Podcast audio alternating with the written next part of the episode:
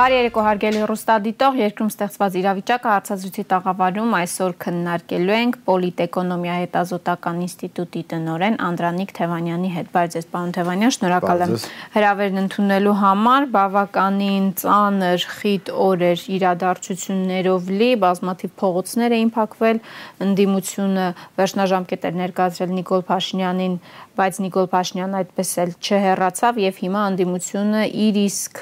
գործիքներով պայքարում է Նիկոլ Փաշինյանի դեմ, բայց նախքան այդ հարցերին անդրադառնալը առաջարկում եմ մեր զրույցը սկսենք 3 երեկոյան համացանցը եւ քաղաքագիտական հանրությանը շոկի ենթարկած ըստեյության ձայնագրության հրապարակումից, որից པարզ դարձավ, որ դեռևս 2016 16 թվականին, եթե չեմ սխալվում, ձայնագրությունը 16 թվականին էր արված, Սերժ Սարգսյանին առաջարկություն է արվել Ալիևի կողմից, առաջարկությունը Լուկաշենկոն էր ներկայացնում, որ 5 միլիարդ դոլարի դիմաց համաձայնվի հանձնել Արցախի 7 շրջանները, ինչին ի պատասխան Սերժ Սարգսյանն ասաց, որ չի կարող բնականաբար համաձայնել այդ առաջարկին եւ պատրաստ է 6 միլիարդ դոլար տալ Ալիևին, եթե նա վերջնականապես հրաժարվի Արցախի 7 շրջաններից, այն շրջաններից, որոնք Նիկոլ Փաշինյանը հանձնեց Ադրբեջանին։ Ինչ է ցույց տալիս այդ ձայնագրությունը, պարոն Թևանյան։ Քաղաքական դաշտում շատ սրընթաց են իրադարձությունները զարգանում եւ փաստորեն ասելիք կա, այս բոլորովին վերջերս է ձեզ մոտ եղել, եւ այն ժամանակ հիմնավորել էի որ երկու կետ կա հանրության մեջ վեճի Նիկոլ Փաշինյանի գործնեության հետևանքները դավաճանության թե անգրագիտության հիմարության հետևանք են նախորդ հաղորդման ժամանակ ես հիմնականում զարգացնում էի հիմարության վարկածը ըհը հիմա կարող եմ փաստարկներ ներկայացնել դավաճանության վարկածի օկտին բայց թե վերջնական որ վարկածի մեջ է տեղավորվում Նիկոլ Փաշինյանի գործունեությունը ընդ որում ոչ միայն 2.5 տարվա այլ նաև դրանից առաջվա միգուցե մենք գործ ունենք այսպես ասած միքս տարբերակի հետ հիմար դավաճանության եւ դավաճանական հիմարության այդ բոլոր հարցերի պատասխանները կստանանք այն հանձնաժողովի գործունեության արդյունքում, որը կձևավորվի անխուսափելի իշխանապողությունից հետո։ Սա համազգային Նյուրնբերգի արժանի հանձնաժողով պետք է լինի, համարժեք հանձնաժողով, որը պետք է բացահայտի, թե ինչ տեղի ունեցավ, ինչու մենք պետականություն կորցրեցինք Արցախում, ինչու ենք մենք հիմա շագրենու կաշվի պես փոքրացնում Հայաստանի սահմանները, եւ ինչու է անտերության մատնված երկիրը, ինչու է քարոզվում է ամեն ինչը, ինչու է վարվում այդպիսի քաղաքականություն։ Հիմա ասենք դավաճանական վարկածին։ Ես նախ կուզենայի կոնկրետ Նիկոլ Փաշինյանին երկու հարց ուղղել այդ 5 միլիարդի հետ կապված։ Այո։ Պարոն Փաշինյան, արդյոք դուք Ալիևի հետ միջնորդավորված ձևով բանակցել եք Արցախի ազատագրված 7 շրջանները 5 միլիարդ դոլարի դիմաց հանձնելու շուրջ հուշեն ձեզ արդյոք այդ բանակցությունները տեղի են ունեցել 2018 թվականի ամռանը եւ աշնան սկզբում եւս մի փոքրիկ հուշում. Արդյոք այդ բանակցությունները տեղի են ունեցել Դուբայում եւ արդյոք դուք փորձել եք հետագայում ռազմաքաղաքական եւ տնտեսական շրջանակների հետ քննարկել այդ հարցը արդյոք ձեզ կոնկրետ մարդու կողմից հակադարձվել է որ այսինչ դավաճանություն եք անում ինչի մասն է խոսքը ինչպես կարելի է նման թեմաներ քննարկել փորձել եք ողրզել հասկանալ դա հնարավոր է թե ոչ ինչ վարկածներ կարող են լինել ինչ զարգացումներ կարող են լինել ես կուզենայի որ դուք թարմացնեք ձեր հիշողությունը եւ ձեր սիրած օթում կախված լուրերը հերքել կամ հաստատել կամ պատմել կրկնեմ 2018-ի ամռանն է դա տեղի ունեցել Դուք շատ լավ գիտեք ինչ իմաստն է։ Խոսքը փորձեք հերքել կամ հաստատել Դուբայը հիշեք բանակցությունները։ Սա թող Նիկոլ Փաշինյանը մտածի պատասխանի եւ հատկապես իր նեղ թիմակիցները հասկանան թե ինչի մեջ են մտել։ Ես պատական հարցեր չեմ տալիս այդ շրջանակների հիմարություն են ունեցել նաև անուղակիորեն իմ ականջին հասցնել այդ ամեն ինչը եւ ես դա ժամանակին էլ եմ իրենց ասել որ այդպիսի բանը կլինի ստոր դավաճանություն ուղակի ինքս չէի պատկերացնում որ դա այդպես կարող է խորանալ եւ նույնիսկ չեմ հավատացել որ այդպիսի բանակցություն կարող էր տեղի ունենալ երբ որ այդ ինֆորմացիան ստացա որ քննարկվում է նաեւ 5 միլիարդ դոլարի դիմաց հանձնելը անկեղծորեն չէի հավատում բայց հիշեցնեմ թե ինչով էր զբաղված Նիկոլ Փաշինյան լրագրողը 98 թվականից հետո երբ որ ինքը հստակորեն պաշտպանում էր այն քիրվայական գիծը, որը քարոզվել էր մինչև այդ։ Իրենք անընդհատ հիշում եք խոսում են Ղարաբաղը ծախում են։ Ղարաբաղը ծախել ձևակերպումը միշտ եղել է։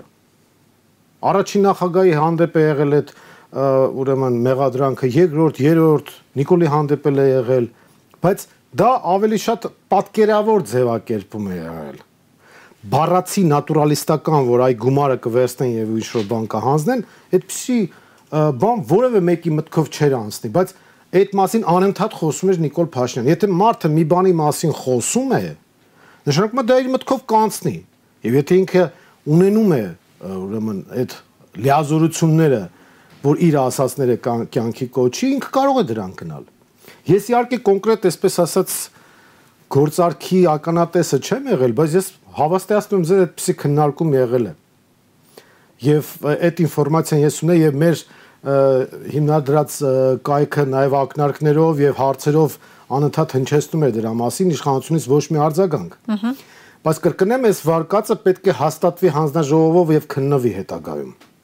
Որ մենք հասկանանք, ես անկեղծորեն կուզենայի, որ դավաճանության վարկածը հերքվեր, որովհետեւ հայ ժողովրդի համար շատ շատ ցավալի կլինի, եթե parzի, որ մենք այս խայտարակ պարտությունը ի սկզբանե դավաճանական սցենարի արդյունքում ենք ունեցել։ Ես անկեղծորեն կուզենամ, որ հիմարության վարկածը հաստատվի։ Ուրիշ վարկած չի կարող լինել։ Չի կարող ուղղակի։ Ինչ կապ ունի Բոլթոնը սրա հետ։ Հիմա Բոլթոնի մասին եք դուք հարցնում, նախորդ հաղորդման ժամանակ հիշում եք, ես խոսեցի եւ մենք հիշեցրեցինք, որ ես 2 տարի առաջ անընդհատ խոսում եմ այդ մասին Հիմա եկեք քաղաքական դետեկտիվը խճանի խճանկարի տեսքով հավաքենք։ Ինչ անում Նիկոլ Փաշինյանը իշխանության գալուց հետո։ Անմիջապես սկսում է իր արամեր շարժարարություններ անել, որից դիվանագիտական փակուղի է մտցնում բանակցային գործընթացը։ Շատ արագ իր իշխանության գալուց հետո այստեղ է հայտնվում Ջոն Բոլթոնը, այն ժամանակվա ԱՄՆ նախագահի խորհրդական անվտանգության հարցերով։ Ջոն Բոլթոնը Ամերիկայի Միացյալ Նահանգների թիվ 1 թուրքամետ գործիչն էր։ Ահա։ Իհարկե հետագայում ինքը աշխատանքից դուրս եկավ։ Եվ պրո հրեական ամենահզոր լոբիստներից մեկը։ Եվ պատական չէ որ Տրամփի վարչակարգը պրո իսրայելական ամենա հզոր որոշումները կայացրեց։ Այնպիսի որոշումներ, որ աշխարհի ներդեմ եւ այլն։ Ուրեմն այս գործիչը գալիս է Հայաստան։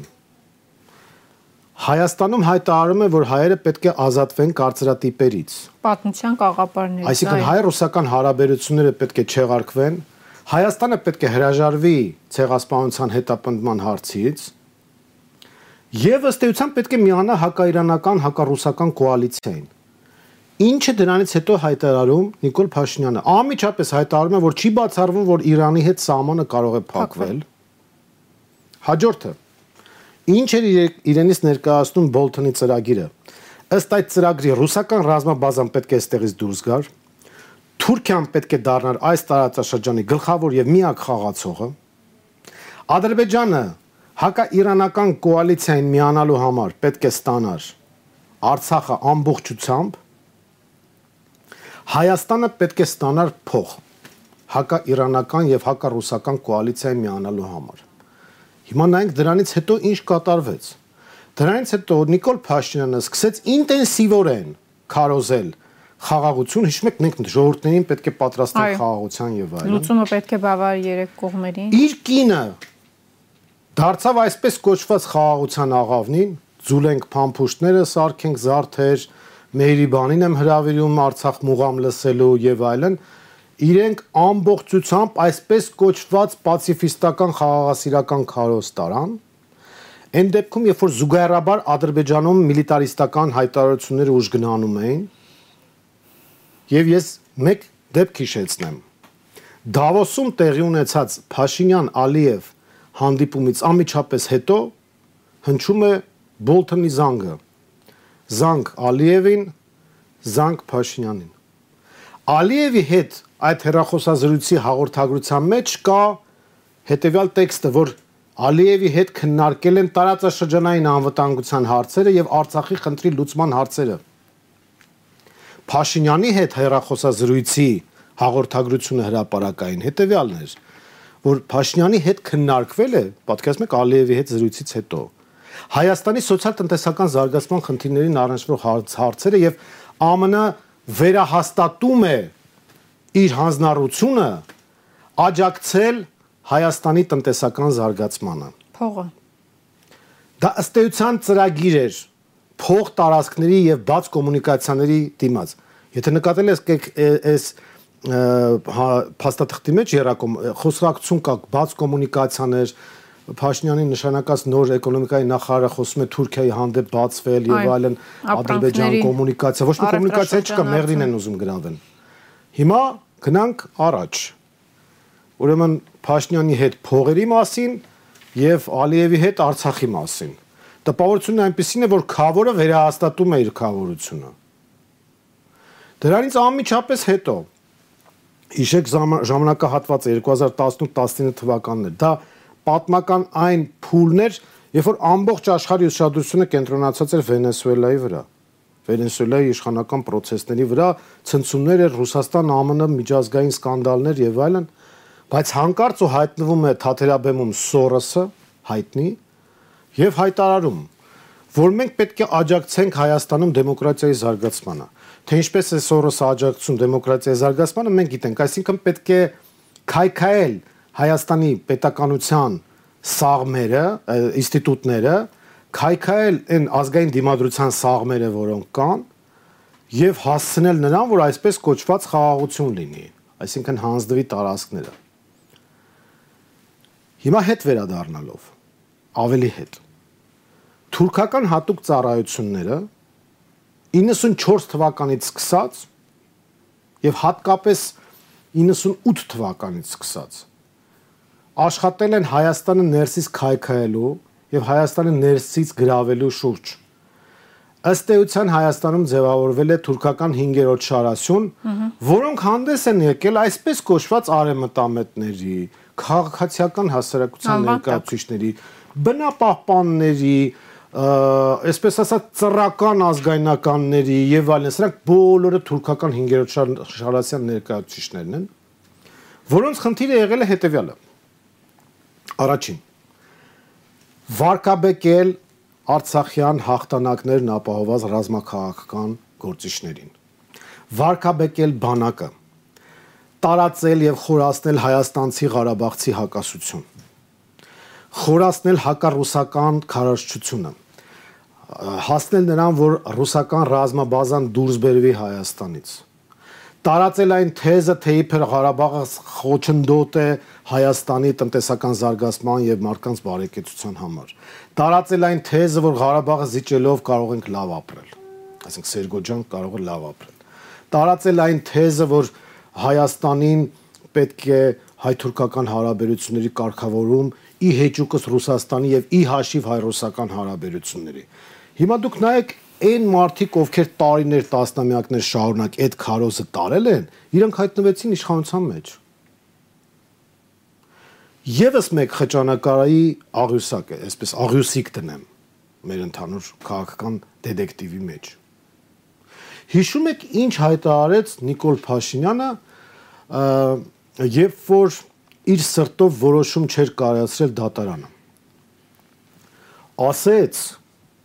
Ղարաբաղում կան դավադիր ուժեր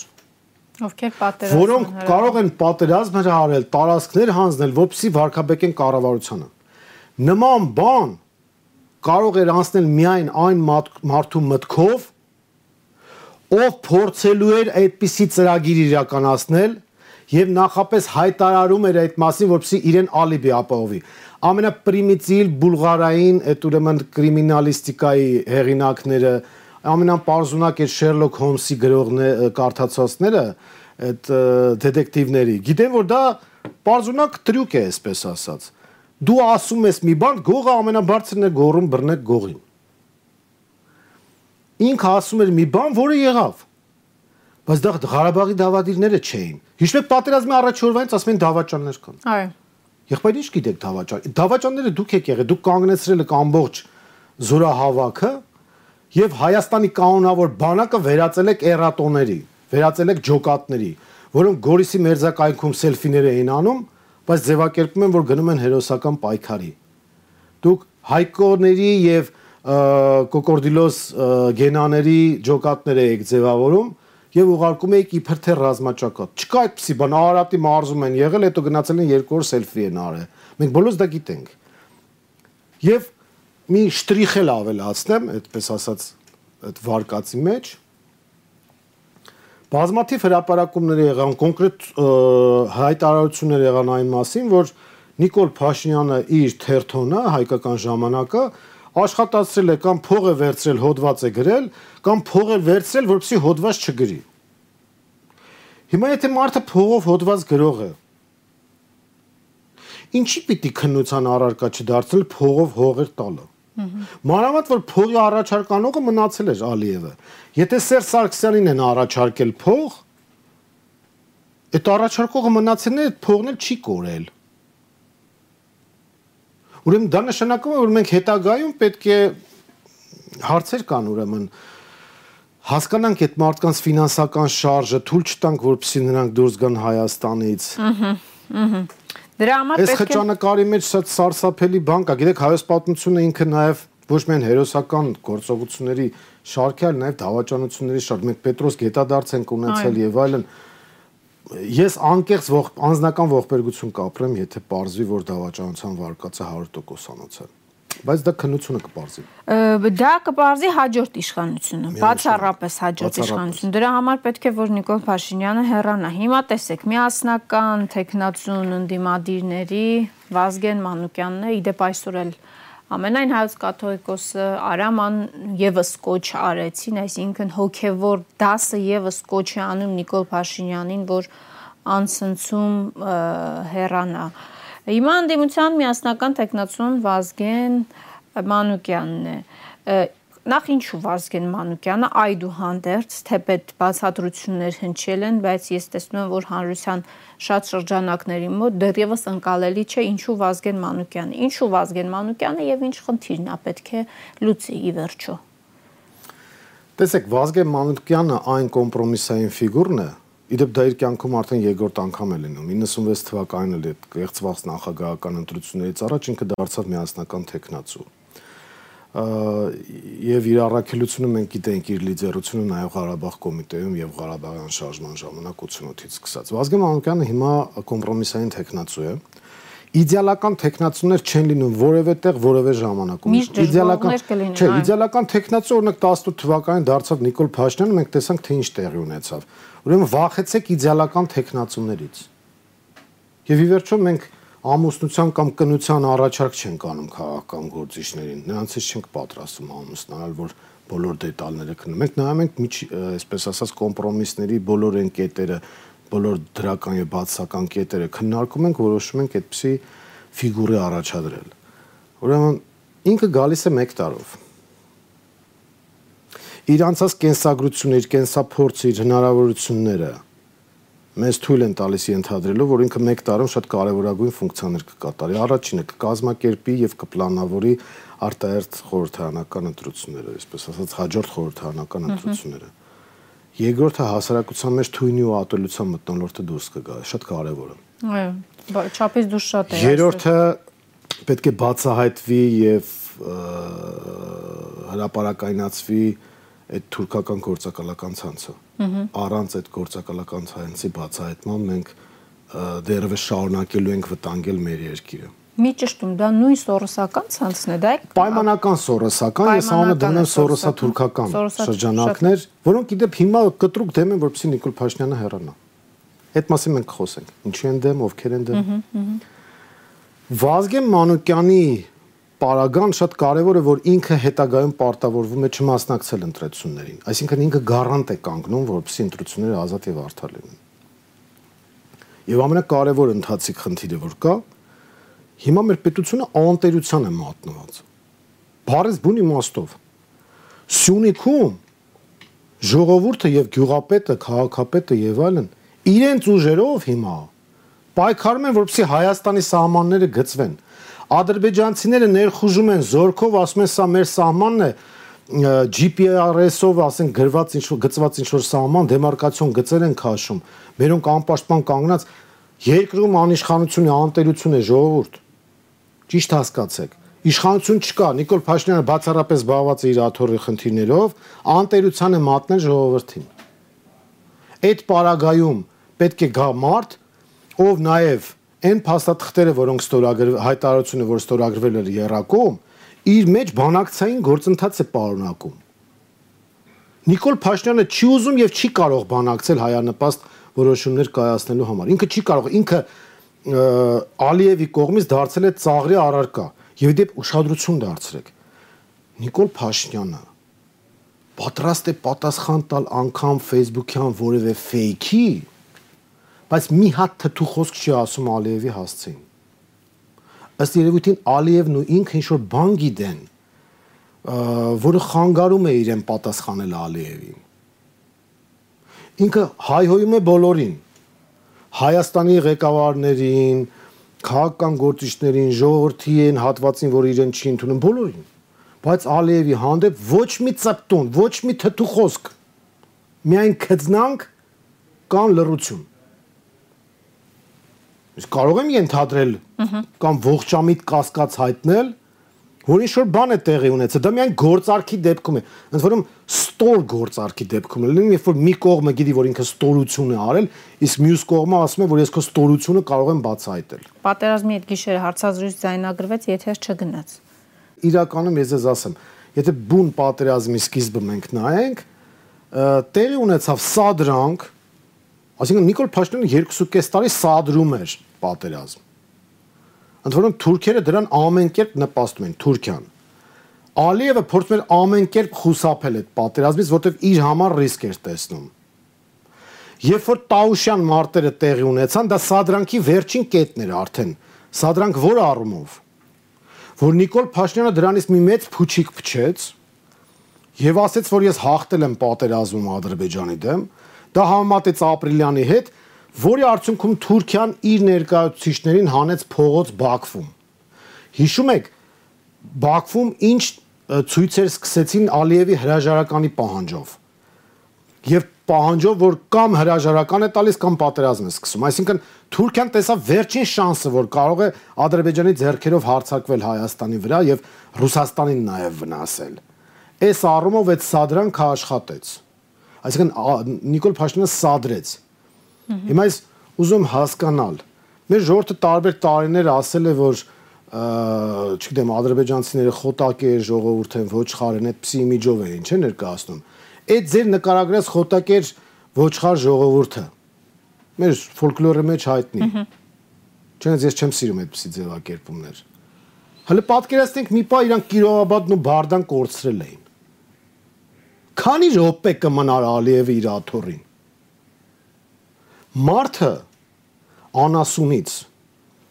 տարբերվում է իթիվս այլ հատկանիշների ամոթի եւ արժանապատվության զգացումով Եթե Նիկոլ Փաշինյանը ամոթ ունենար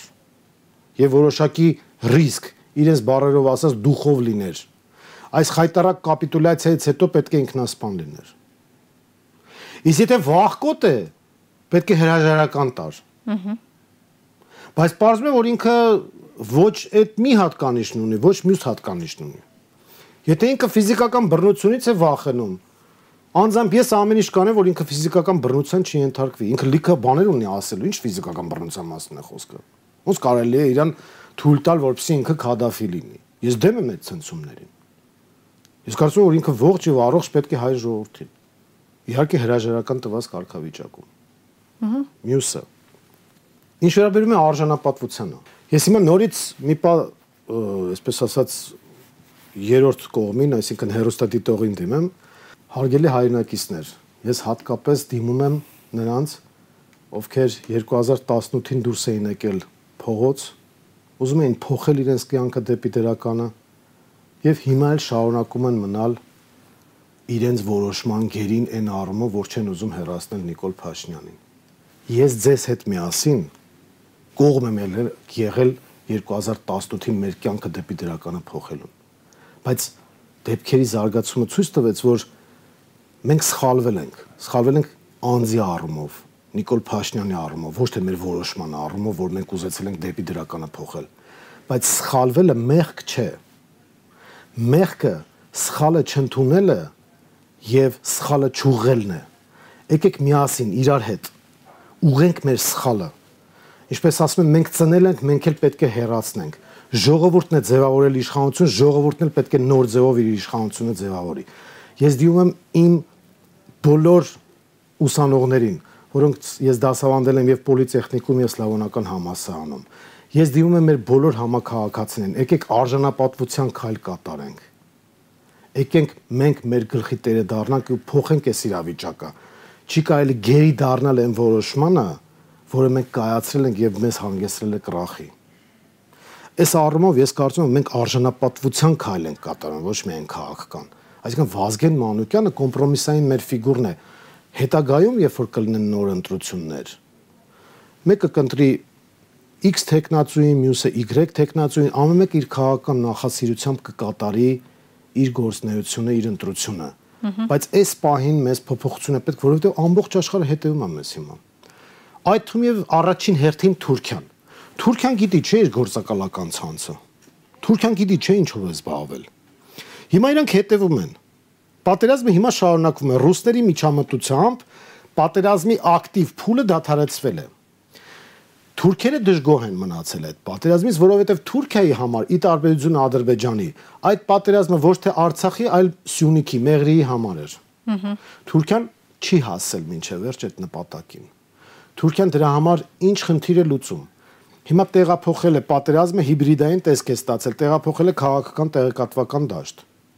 Եվ Հայաստանում փորձում են պահել Նիկոլ Փաշինյանին։ Ուրեմն նրանք ովքեր կողմ են, որպեսզի Նիկոլ Փաշինյանը մնա, նրանք ակամայից կամ գիտակցաբար աշխատում են Թուրքիայի օգտին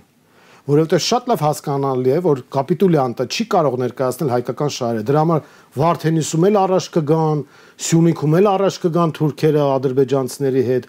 հետո վաղ կարող պարզվի Երևանի համար պետք է պայքարենք այսինքն մենք սպասում ենք որ թուրքը մտնի մեր տուն ինչպես կարելի է դա թույլ տալ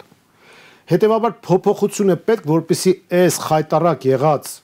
մարդը չներկայացնի Հայաստանը եւ կարողանա բանակցել գերիների հարցը։ Եվ ես մի հատ կարևոր բան եմ ուզում ասել, մենք դեկտեմբերի 10-ին խայտարակության միջոցառման ենք ականատես լինելու։ Տեղյակ են արդյոք մեր հասարակության ներկայացուցիչները։ Բաքվում տեղի ունենալու հաղթական շքերթ, որտեղ ներկայացված է լինելու նաև հայկական ուրեմն տանկեր եւ այլն, որոնք բռնագրավվել են, գրավվել են պատերազմի ժամանակ Խոսակցություն կար իհարկե որ գերիներին էլ են ուզում քայլեցնել, բայց ոնց որ միջազգային կառույցները դա թույլ չտվեցին, հիմա տեսնենք ինչ պատկեր կլինի։ Սա ամոթն է մեր։ Ուրեմն մեկ միակ շանսը մեր արժանապատվությունը մեր դեմքը փրկելու թույլ չտալ, որպեսի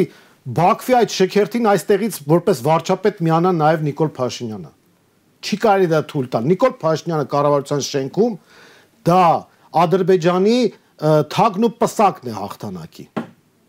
Ուրեմն դա թույլ տալ որևէ կերպ չի կարող։ Հիմա հիմա ապա կենտրոն պայքար է սկսվել, փողոցներ են փակվում ամեն օր Նիկոլ Դավաճան կոչերն են հնչում։ Ինչ զարգացումների սпасել,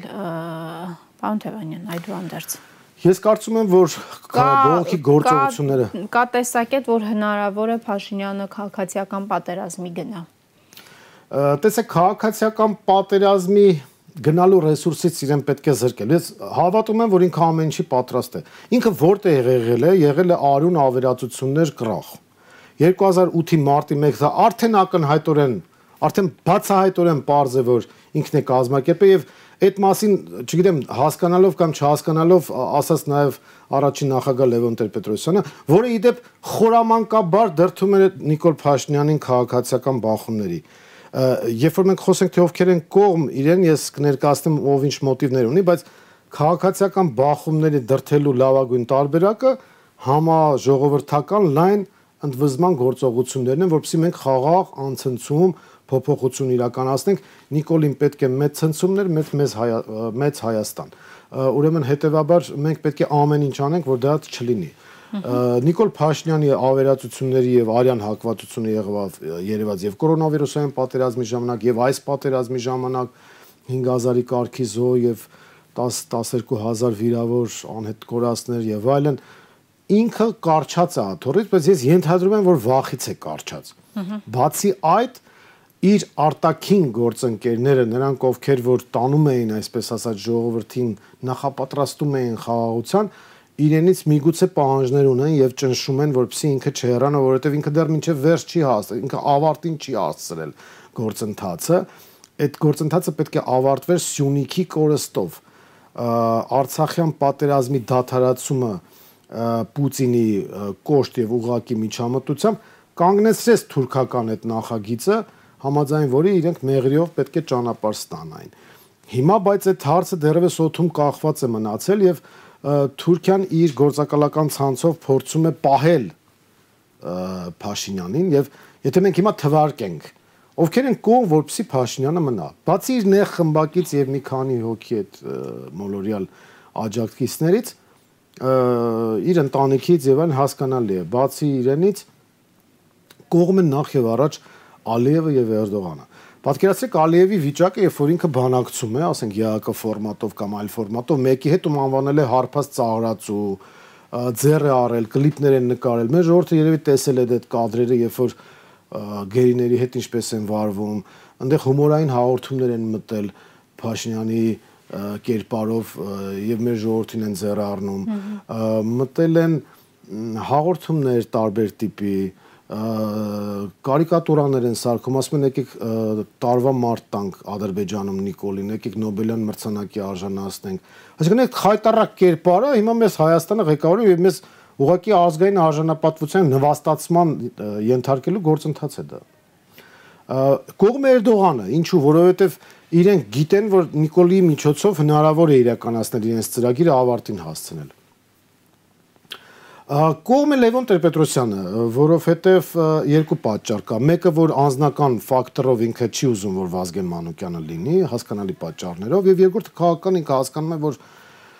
այն քաղաքական կոդը, որի ներկայացուցիչն էր նաև ինքը Նիկոլ Փաշինյանը եւ այլն, որի համար իրենք պայքարում են 2008 թվին գալու համար, այդ քաղաքական կոդը ոչնչացվելու է քաղաքական դաշտից, որովհետեւ դա մեզ տարել է դեպի պարտության։ Այսինքն Նիկոլ Փաշինյանը այդ պարտության գաղափարախոսի կապիտուլյացիայի գաղափարախոսի հոգեզավակն է եւ բնականաբար հոգեհայրը անհանգստացած է իր հոգեզավակի ճակատագրով, բայց նախ եւ առաջ իր սեփական կաշվով է անհանգստացած կտրուկ դեմ են Սորոսա թուրքական շրջանակները։ Ինչ են առաջարկում նրանք եւ ես կուզենայի որ մեր ժողովուրդը ուշադրի լիներ եւ ուշադրություն դարձներ թե ինչ բանաձևեր են նրանք առաջ քաշում։ Իրենք ասում են այո Նիկոլ Փաշինյանը պետք է հեռանա, որովհետեւ հասկանում են որ չեն կարող ասել չէ պետք է մնա։ Հիմա պոպուլյար չի որ Նիկոլ Փաշինյանը մնա, որովհետև կապիտուլյացիա է տարել։ Բայց թող հառնա 6 ամսից 1 տարուց։ Ինչու։ Ահա որ Թուրքիան ու Ադրբեջանը հասցնեն այդ 6 ամիս 1 տարուց երկրորդ պատերազմ արդեն Հայաստանի դեմ իրականացնել։ 1 Հայաստանի տնտեսությունը վերջնականապես կազմալուծել, որովհետև པարզ է որ Նիկոլ Փաշինյանի օրոք 10 դոլարի ներդրում չի լինելու Հայաստանում։ Ուզում են Նիկոլ Փաշինյանը մնա, որ շարունակի իր հիմար կամ դավաճանական քայլերը, որը ավելի լուրջ խնդիրներ կհասցնի Հայաստանի դեմ։ Արդեն թուրքական անօթաչուները Երևանի գլխին կգան։ Ուրեմն այս շրջանակներին 6 ամսից 1 տարին պետք է որպեսի իրաց ծրագիրը կյանքի կոչեն, իսկ եթե դա Նիկոլի ձեռքերով հնարավոր չլինի, իրենք փորձեն վերախմբավորվել այստեղ եւ փորձեն մասնակցել ազգային ժողովի ընտրություններին, որպեսի նորից վոտատեղ ունենան Հայաստանի ազգային ժողովում։ Ահա Իրենք այդ ոտատեղը փոքրիկ չափով իդեմս Նիկոլ Փաշինյանի ստացել էին ելք դաշինքի միջոցով 2017 թվականին։ եւ ոչ միայն Նիկոլի, մի քանի հոգի դա կարողացել էին ներդնել։ Հիմա ուզում են ստանալ այդ ոտատեղը այլ տեսքով։ Ահա թե ովքեր են դեմ Էրդողան, կրկնեմ, Ալիև, Լևոն Տեր-Պետրոսյան, Նիկոլ եւ Նեղ շրջապատ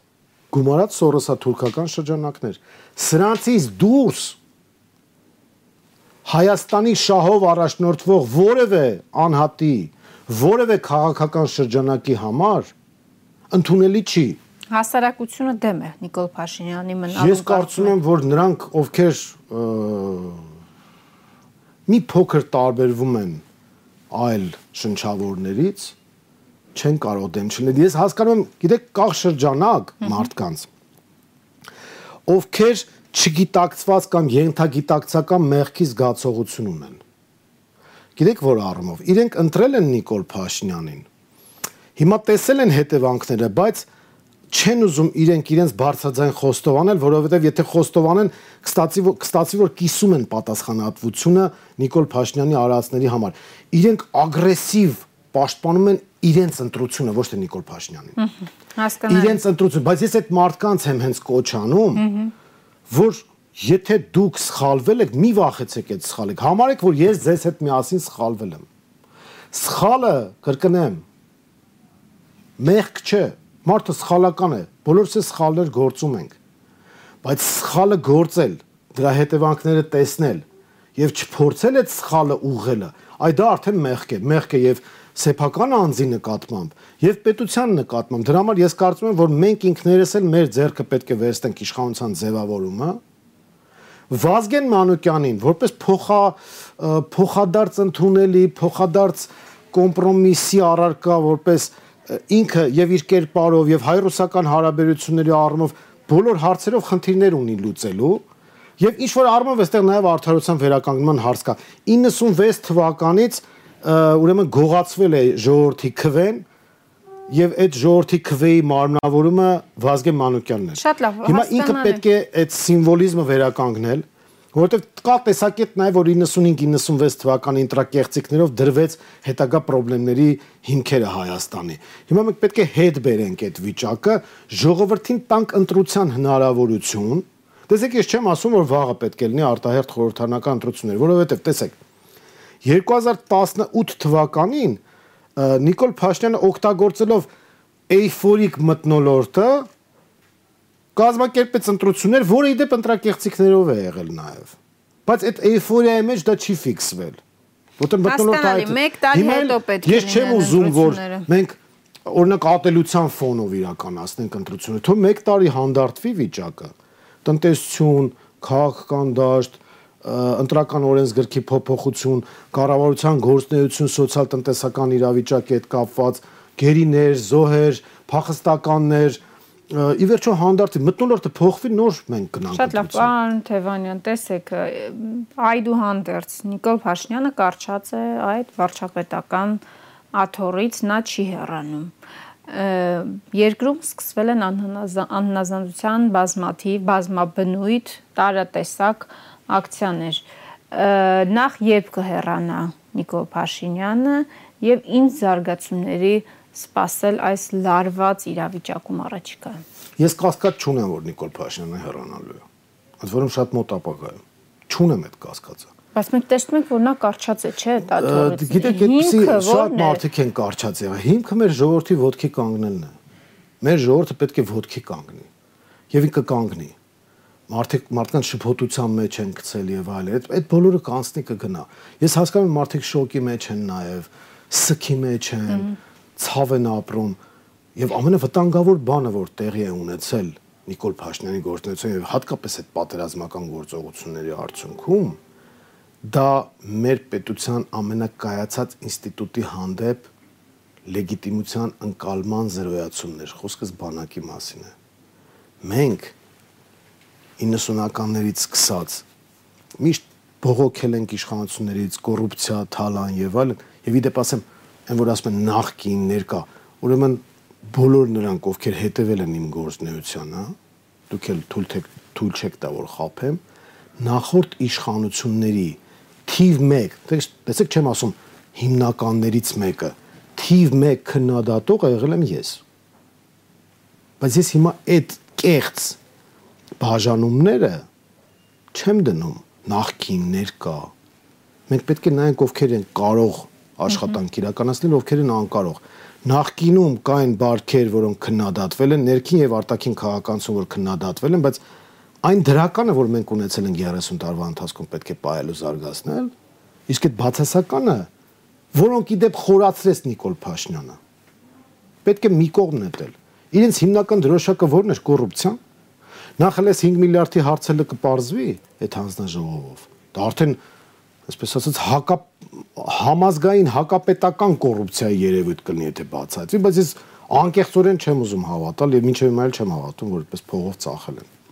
պայմանավորված պատերազմ են արել, ինչպես ասել, պայմանավորված պատերազմ էր 16 թվականի ապրիլը։ Եթե մարդը տես տերմին է օգտագործում, որ ինքն էլ է հակված նման բանի, որ իր մտքով անցնում է, որ կարելի է պայմանավորվել, հանձնել եւ այլն։ Մի խոսքով, կոռուպցիայի հսկայական դրսևորում էր նաև այս պատերազմը, որը մենք տեսանք թե ինչ զենքեր են առել, ինչ գներով, ինչ ատկատներով, բազմաթիվ մեղադրանքներ են հնչել, ոչ մեկին պատասխան չի եղել։ Սկսած այդ ծխախոտների արտահանումից, ապօրինի վերջացած զենքերի գնումները։ Այսինքն այս մարտիկ ովով իրենք իրավունք չունեն խոսել կոռուպցիայից։ Մի հատ դրոշ ունեին կոռուպցիոն, այն էլ պարզվեց Սամվել Ալեքսանյանը իրենց բիզնեսի, այսպես ասած, ռահվիրան է, որպես նմուշ հեղափոխության սիմվոլը դարձավ Սամվել Ալեքսանյանը, հայտնի շաքարասեր ազնվորությունը։ Ուրեմն ինքը քննադատում էր, չէ՞, ասում էր լֆիկական Օսվենցիմից ազատ ագրենք, բան հետո միանգամից ինքը դարձավ սիվ, այսինքն այդ թեման էլ իրանց մոտ բրծավ, ավարտվեց։ Այս առումով։ Հիմա իրենք ոչ մի կոդ չունեն, որ պահվի։ Այս բողոքի գործողությունները չեն ընդհատվելու։ Եթե իրենք հույս ունեն մի օր, երկու օր, չէ, բայց մենք էլ պետք է շատ արագ անենք, որտեղ պետությունը ամեն օր փոքրանում է։ Բարես բունի իմաստով։ Երեք չառաջ օրը ադրբեջանցիները Սյունիքում էլի 800 մետր առաջ են եկել։ Լրիվ անտերանոց է երկրում, ժողովրդ իշխանություն չկա։ Չկա իշխանություն, չի զբաղվում։ Այս մարդը եկել էր որպեսի հանձնել։ Խափել են մեզ էլի 2018 թվականին։ Հիշում եք 2018 թվականի սիմվոլը որն էր։ Բաց ձեռքերի Այս բաց зерքերը բլեֆներ։ Այս դեմքով մարդիկ հանձնվում են, պլեն են ընկնում։ Մենք այդ հայ ժողովրդին ասում են մի հատ բոլորը зерքի հետ վեր բարձրացեք, որ թուրք-ադրբեջանական զույգին պլեն ընկնենք, գերի ընկնենք։ Սա հա։ հանձնվելու նշան է։ Սա պարակտելու նշան է, բրոնզկ միասնություն, միասին պայքարելու սիմվոլը փոխարինել մասնատված հասարակությամբ։ Ասեցին եկեք հանձնվենք։ Մի հատ էլ Ֆիրդուսնոցից Մայկա առան հակցրեցին, ասին դու Մոնթեի, ասենք, կլոնն ես, հայ ժողովրդին սիմվոլիզմի առումով ես անկեղծորեն ցավ եմ ապրում եւ մենք պետք է պատասխանը տանք թուրքական այս գործնեության։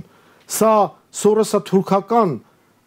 գործնեության հետևանք է այս պարտությունը, որ մենք գրել ենք եւ հիմա ամեն օր եթե մենք չենք փոխում այս իշխանությանը եւ իրավիճակը չենք կայունացնում, մեր Տշնամիները գիտեն, չէ, իրանք ում են հավաքագրել, ինչ են իրականացրել, ինչպես է գործում իրենց ցանցը, գիտեն, չէ։ Բայց իրանք էլ են հետևում։ Ասում են, հələ տեսնենք այս ժողովուրդը էլ մինչև որ աստիճանի կարող է անկում ունենալ։ Օգտագործենք ոչնչացնենք մինչև վերջ։ Լավ ինքնապահպանման բնազդից ելնելով պետք է հասկանալ, որ կապիտուլյացիա կնքած մարդը չի կարող մնալ իշխանության ղեկին։ Չի կարող վիրավորական է ինտելեկտուալ վիրավորանք եմ ես ապրում, երբ որ ասում են, բա լավ, եթե Նիկոլը գնա բաղով, հիմա այդ բաղովի անունն է տրվեցին։ Վազգեն Մանուկյան, թող ինձ ների պարոն Մանուկյանը, եթե ես իրանց համատում եմ, ակնհայտ այդտեղ համատելու սարերի զորերի տարբերություն կա նրա անցած ճանապարհը, նրա կրթությունը եւ մյուսինը իր փորձառություն եւ այլն։ Այսինքն որպես ամփոփում կարծում եք պետք է շարունակվեն այս աննազանդության ակցիաները եւ Փաշինյանը կարծում եք, ահա շուտով զիջի տեղը Վազգեն Մանուկյանին։ Համազգային համախմբման միջոցով հասնել նրան, որ ազգային ժողովում առանց ցնցումների այդ թվում եւ իմ քայլը խմբակցության ներկայացուցիչների միջոցով հերացվի կամ ինքը հրաժարական տա կամ իմպիչմենտի գործընթաց սկսվի վարչապետի հանդեպ եւ ընտրենք նոր վարչապետ, պայմանավորվենք ժամանակավոր կառավարության խաղի կանոնները, այդ թվում եւ մյուս ֆրակցիաների հետ, բոլորի հետ։ Դե Բարգավաճ Հայաստանը գիտեք ինքը միացած է համաժողովրդական շարժմանը, այստեղ մնում է լուսավորը Լուսավոր Հայաստանը եւ իմ քայլ Լուսավոր Հայաստանը միշտ բնավորություն ունի հեղափոխությանն անց 5 միանում է։ Հիմա եթե սպասում են անց 5 լինի նոր միանան, ոչինչ, կարելի է մի կերպ մարսել։ Բայց այստեղ կարևորը կայունացման ֆունկցիա կարող են կատարել նաեւ իմ քայլի ներկայացուցիչները, բայց ամենաթիվ մեկ գործոնը ժողովուրդն է։ Ի վերջո ժողովուրդը պետք է ընտրություն կատարի։ Ինքը ուզում է ապրել թուրքական լծի տակ, թե փորձել ի վերջո հայկական կենտրոն Հայաստանակենտրոն քաղաքականություն իրականացնել։ Մեր ժողովուրդն է որոշելու ի վերջո։ Եթե ես որպես քաղաքացի ամեն ինչ անելու եմ, որ Նիկոլ Փաշինյանին հեռացնեմ, եւ ես համոզված եմ, որ հասնելու եմ այդ նպատակին։ Բայց ես կուզենամ, որ մեր ժողովրդի լայն զանգվածներ ավելի շուտ ոդքի կանգնեն եւ ավելի անցնցում լինի։ Ինչքան ժողովուրդը լինի շատ, ինչքան լինի համախմբված, այնքան անցնցում կլինեն process-ները։ Ինչքան լինի փոքր, այնքան ցավալի ցնցում է, բայց ես համոզված եմ մեր հաջողությամբ մեզ մենք ամեն օրն ու ժամը պետք է ուրեմն գնահատենք եւ մենք հսկայական անելիքներ ունենք, ինչի հետևից ենք ընկել։ Մի հատ Նիկոլ Փաշինյանի Շնորհակալ եմ զրույցի համար, կհետևենք հետագա ընթացքին զարգացումների։ Հարցազրույցի տաղավարում երկրում ստեղծված իրավիճակը քննարկում էինք Պոլիտէկոնոմիա հետազոտական ինստիտուտի տնօրեն Անդրանիկ Թևանյանի հետ։ Ամուրյողը կհանդիպենք վաղը։